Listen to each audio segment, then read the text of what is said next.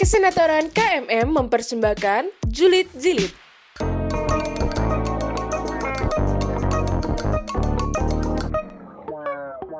Psst. Waktunya julid, julid, julid. Halo Sobat Julid, kembali lagi bersama aku, Zika, sebagai host podcast Julid-Julid Season 2 hari ini. Nah, Sobat Julid, hari ini bakal jadi episode terakhir kita. Wah. Tapi jangan sedih, karena hari ini aku ditemani sama teteh mungkin ya, kakak teteh senator kita, Kak Pulita Suri. Hai Kak Pite. Halo semuanya, halo Zika, apa kabar Zik? Eh, sedikit meresahkan ya, soalnya panas di luar. Oh Kak iya Pite iya, sendiri, gimana Hmm. kabarnya? sama sih ini juga. Apalagi lagi puasa terakhir kan ya panas-panas, sama-sama meresahkan lah. Tapi kalau untuk masalah kesehatan, alhamdulillah masih sehat. Gitu sih. Nah, kemarin ini Kapita tuh baru ulang tahun loh. Kayak, Pak, ayo kita hype kayak happy birthday belated Kapita. Oke oke makasih. Dan di saat sebelumnya, Kapita baru aja LPJ guys. Wow, berarti kayaknya bukan kakak tetes nator, kayaknya mantan ya. Betul betul Zika. Sudah sudah mantan senator. betul. Udah nggak apa-apa. Hmm. Walaupun mantan tapi Kapita tetap senator di hati aku. Asik. Eh. Nah, Gitu ya. Boleh nih Kak, kita ngobrol-ngobrol lah Kak. Kan aku pengen kenal juga sama Kapita ya. Mm-mm. Berarti ini Kapita itu kan senator di masa pandemik ya, senator Betul. online pasti. Berarti ada dong awal mulanya kayak kalau sekarang ini akhir-akhir ini kita baru aja mengadakan voting untuk senator KMMTB. Nah, kalau zaman Kapita itu sistemnya sama kayak gini juga nggak sih Kak? Oke oke, jadi aku mulai cerita dari awal ya. Jadi eh, sebenarnya ada sen- di kepengurusan eh, 2020-2021 itu sebenarnya ada senator sebelum aku, yaitu eh, almarhum Fahri. Tapi eh, karena ada suatu insiden ya, akhirnya eh, apa namanya, aku bersama tim senatoran akhirnya bermusyawarah untuk menentukan siapa senator selanjutnya. Nah pada musyawarah itu eh, yang mengajukan diri nih jadi kandidat senator itu ada aku sama Aryo. Nah proses musyawarah itu sebenarnya kayak semacam fit and proper test sih, cuma nggak dinilai secara kuantitatif ya, tapi lebih ke musyawarah. Terus pada akhirnya yang terpilih itu aku gitu. Nah kalau untuk proses pemilihannya almarhum Fahri itu eh, dengan ditunjuk sama senator sebelumnya yaitu Kadea. Jadi eh, setahu aku ya dari eh, ke tahun 2016 kalau nggak salah tuh eh, kepengurusannya Kak Heni itu tuh eh, pemilihan senator itu dari pemilu tapi semenjak dari eh, 2017 sampai 2020 itu mekanismenya ditunjuk sama eh, senator sebelumnya gitu jadi eh, di tahun aku eh, ingin mengembalikan ke idealan itu lagi sih makanya diadakan pemilu senator lagi gitu sih. Oh, tadi uh, Kapite bilang Kapite dan Kak Aryo itu mengajukan diri ya Kak? Betul betul. betul sekali. Ada nggak sih Kak alasan Kapite itu mengajukan diri? Oke menarik nih. Jadi eh, sebenarnya alasan utama kenapa aku mengajukan diri karena aku pengen eh, tim senatoran ini tetap lanjut ya.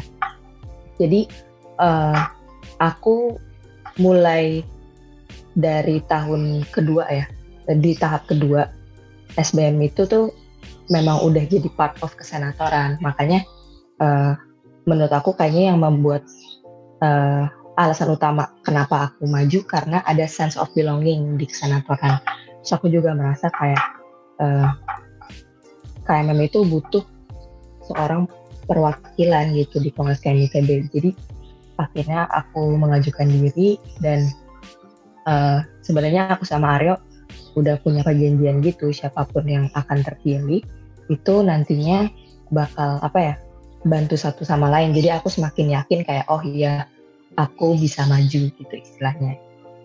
Jadi itu sih alasan utamanya karena aku ingin tim selalu berjalan gitu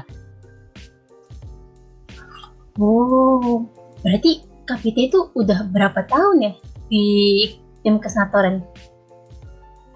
Dua tahun kayaknya deh. Dua tahun atau dua setengah tahun ya jadinya.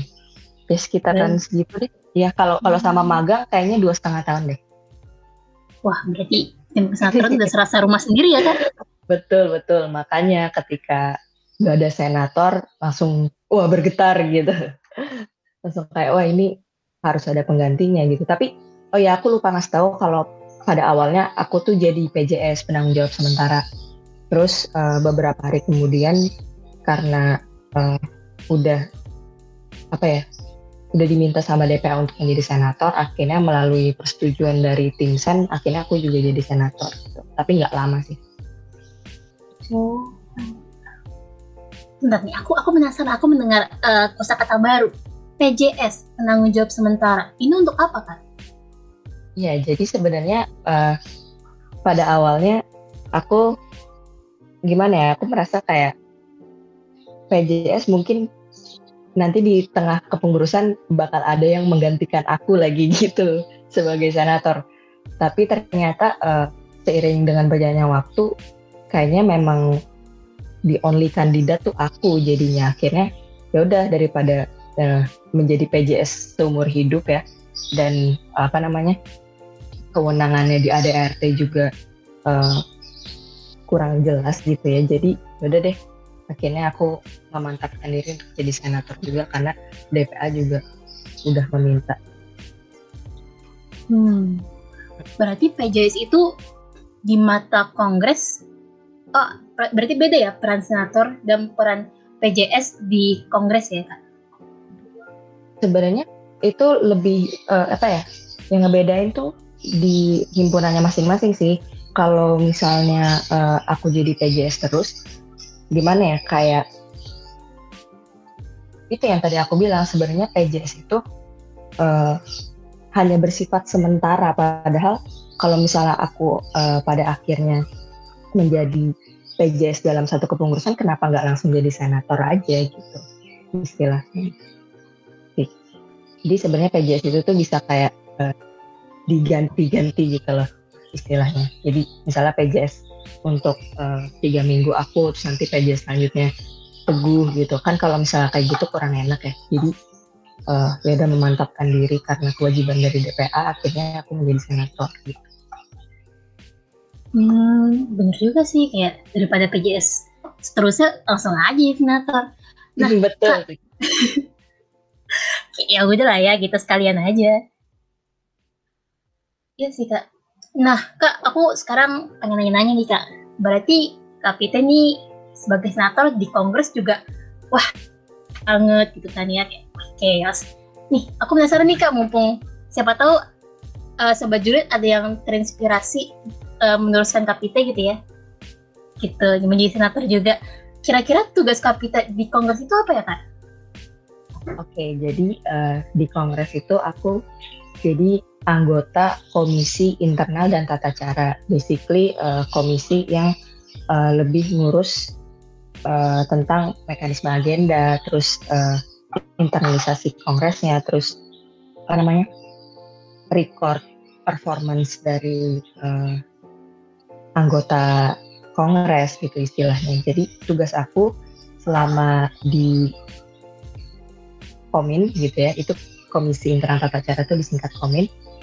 Itu setiap bulannya aku eh, membantu menilai ya, menilai mereka menilai senator dari peer review, terus juga eh, aku di Komintaca itu menjadi supervisornya eh, ini Badan Kesekretariatan eh, bagian ini media dan propaganda. Jadi basically kalau misalnya kongres butuh publikasi nanti aku kasih tahu ke eh, media propaganda. Terus kalau misalnya eh, apa namanya kalau misalnya kamu lihat Instagramnya kongres kan itu banyak postnya. Itu juga kalau misalnya ada revisi itu nanti aku yang ngasih tahu.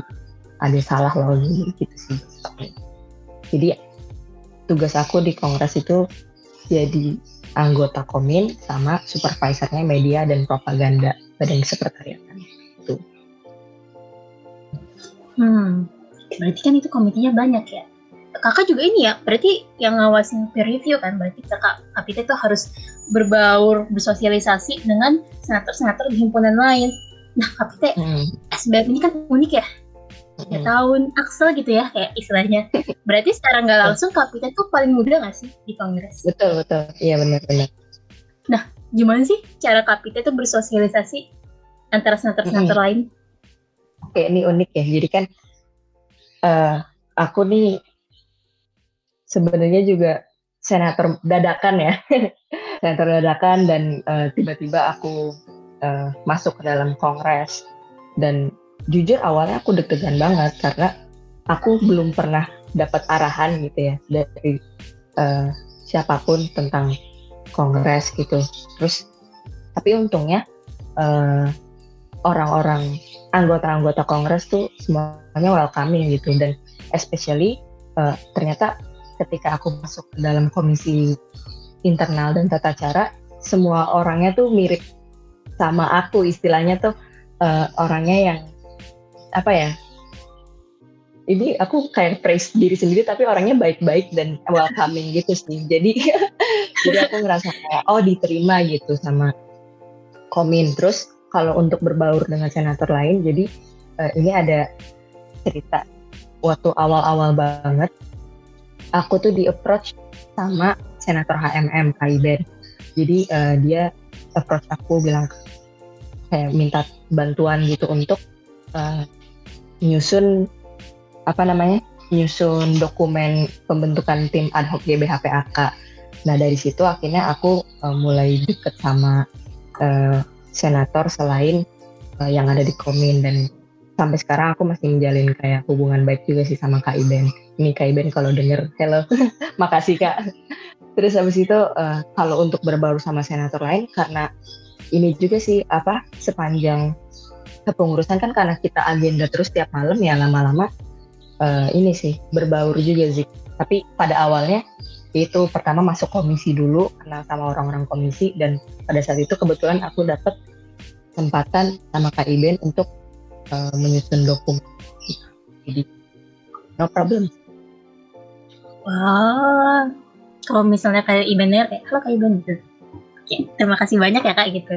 iya jujur terima kasih banyak Kak Iben jadi Nah, lebih open lebih lebih terbuka sih. Eh, kita langsung berangkat aja lah Kak dari Kongres langsung ke tim kesenatoran. Nih Kapita ini kan, wih paling dipandang gitu di tim kesenatoran gitu. Terus Ah, eh, sih? Kapita juga, iya dong. Terus em, hmm, kayak banyak momen-momen indah, tidak indah juga sih ya, banyak kerjaan juga yang dilalui kita sebagai eh, tim kesenatoran. Kira-kira ada nggak sih kak momen berkesan di tim kesenatoran yang paling kak kita ingat banget gitu? Oke oke.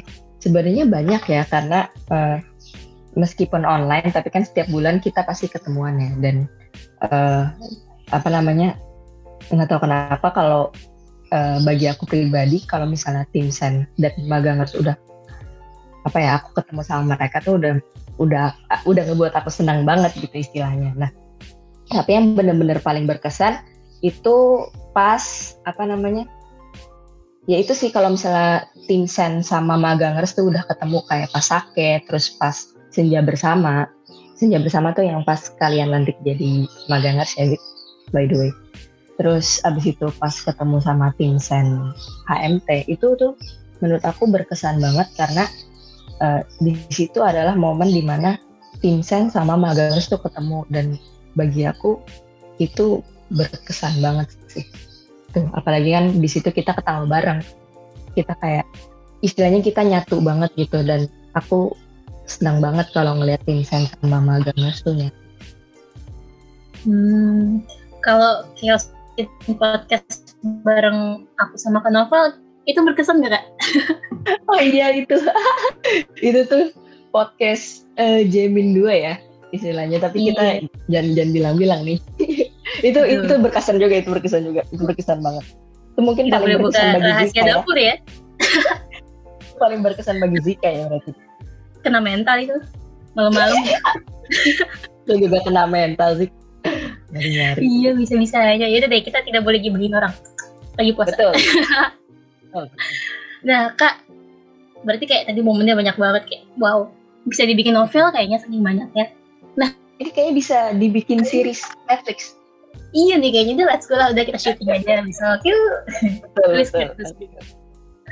Iya ini kan momen berkesannya banyak banget ya kak. Kayak di antara momen-momen ini tuh ada nggak sih kak pelajaran penting yang kak Piti peroleh?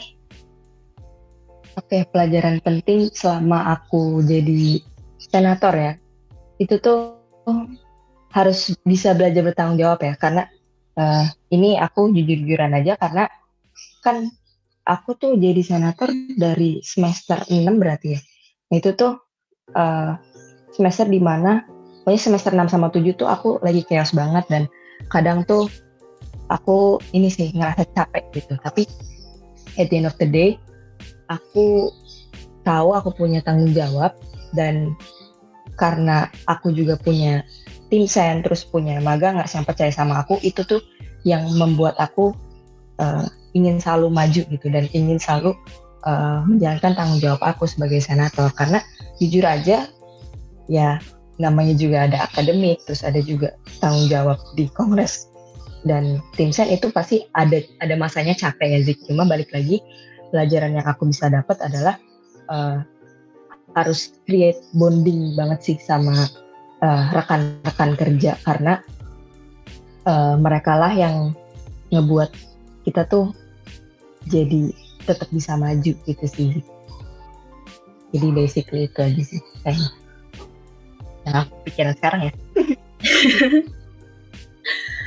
Oke, nah yang terakhir nih kak, ada titipan sebenarnya ini ya. Nah aku juga pengen, pengen tahu sih, Eh, ada nggak sih em, mau dong kak pesan-kesan Kapite untuk the next generation tim sen KRM ITB? Boleh dong kak. Oke. Kalau untuk kesan, jujur aku bangga banget ya sama tim Sen dan Maganger sekarang karena uh, semuanya menjalani tanggung jawabnya dengan outstanding gitu ya. Kan kita set KPI di awal kepengurusan dan semua prokernya itu tercapai. Berarti kan kalau kayak gitu udah ada ukuran bahwa tim Sen uh, tahun 2020-2021 tuh semuanya capable. Dan uh, pesan aku adalah uh, semoga teman-teman yang udah pernah uh, join tim Sen dan maganger itu tuh bisa mengambil hikmah dari uh, kepengurusan ini sih. Misalnya kayak uh, kalau Zika mungkin ini ya uh, akhirnya berani ngomong sama orang. Terus habis itu mungkin juga uh, apa namanya work under pressure. Nah itu tuh aku pengen uh, dari masing-masing tim Sen dan magangers tuh bisa mengambil pelajaran pelajaran kecil gitu dari pengalaman di uh, tim Sen ini. Nah terus kalau untuk apa namanya pesan untuk selanjutnya, aku pengen kalian tetap ini sih tetap keep in touch sama satu sama lain dan kalau misalnya bagi magangers nih pengen nanya-nanya tentang apa namanya pengen nanya-nanya tentang uh, seputar manajemen ataupun apa atau apa pun itulah. Jangan segan-segan sih nanyain ke kakak tingkatnya aka Vincent. Terus uh, aku juga pengen uh, semua teman-teman tuh uh, bisa mengembangkan diri lebih jauh. Jadi uh, aku berharap in the future aku bisa ngedenger uh, apa ya istilahnya kabar baik dari teman-teman gitu sih. Dan jangan lupa tetap di Vincent gitu sih Zik. thank you Oh, aku aku terharu. Uh, tidak. Uh, makasih Kapite atas pesan-kesannya. Aku catat. Semoga aku jadi Nice. pengurus selanjutnya. Yeay. ah iya Gak apa pokoknya kalau misalnya ada apa-apa jangan sungkan-sungkan untuk ini ya untuk approach kakak-kakak Vincentnya karena kita semua orangnya open kok Oh, siap. Jika Makasih ya Kak Pite udah mau datang ngobrol sama aku di podcast hari ini. Ini podcast terakhir. Semoga em, masih ada season selanjutnya dan aku host Iya. asik. Wey. asik Oke. let's go let's go Tapi sebelum ditutup, eh, Kak Pite ada nggak nih pesan terakhir gitu untuk para sobat Juli? Oke, eh, untuk para sobat Zulit ya, mungkin eh, aku mau mengucapkan terima kasih karena eh, teman-teman udah eh, meluangkan waktunya untuk mendengarkan podcast Julit-Julit season 2 ini. dan aku harap uh, semoga di setiap season eh di setiap episodenya itu teman-teman bisa uh, dapat pelajaran mau sekecil apa pun itu uh, sebenarnya pelajaran itu uh, valuable ya dan mungkin ini ya aku mau minta doa ke teman-teman semuanya uh, untuk uh, doain agar aku bersama teman-teman tim Sen 2020-2021 lainnya yang sedang menyusun skripsi itu diberi kelancaran sampai lulus. Amin. Amin. Ini aku curi-curi doa ya Zik, nggak apa-apa ya? nggak apa-apa. Biar uh, lulus di waktu yang tepat, bukan? Amin. amin. Eh, salah, eh lulus tepat waktu lulus di waktu yang tepat nih. Eh, istilahnya beda tuh. Iya, istilahnya beda tapi dua-duanya positif jadi nggak apa-apa. Iya, nggak apa-apa.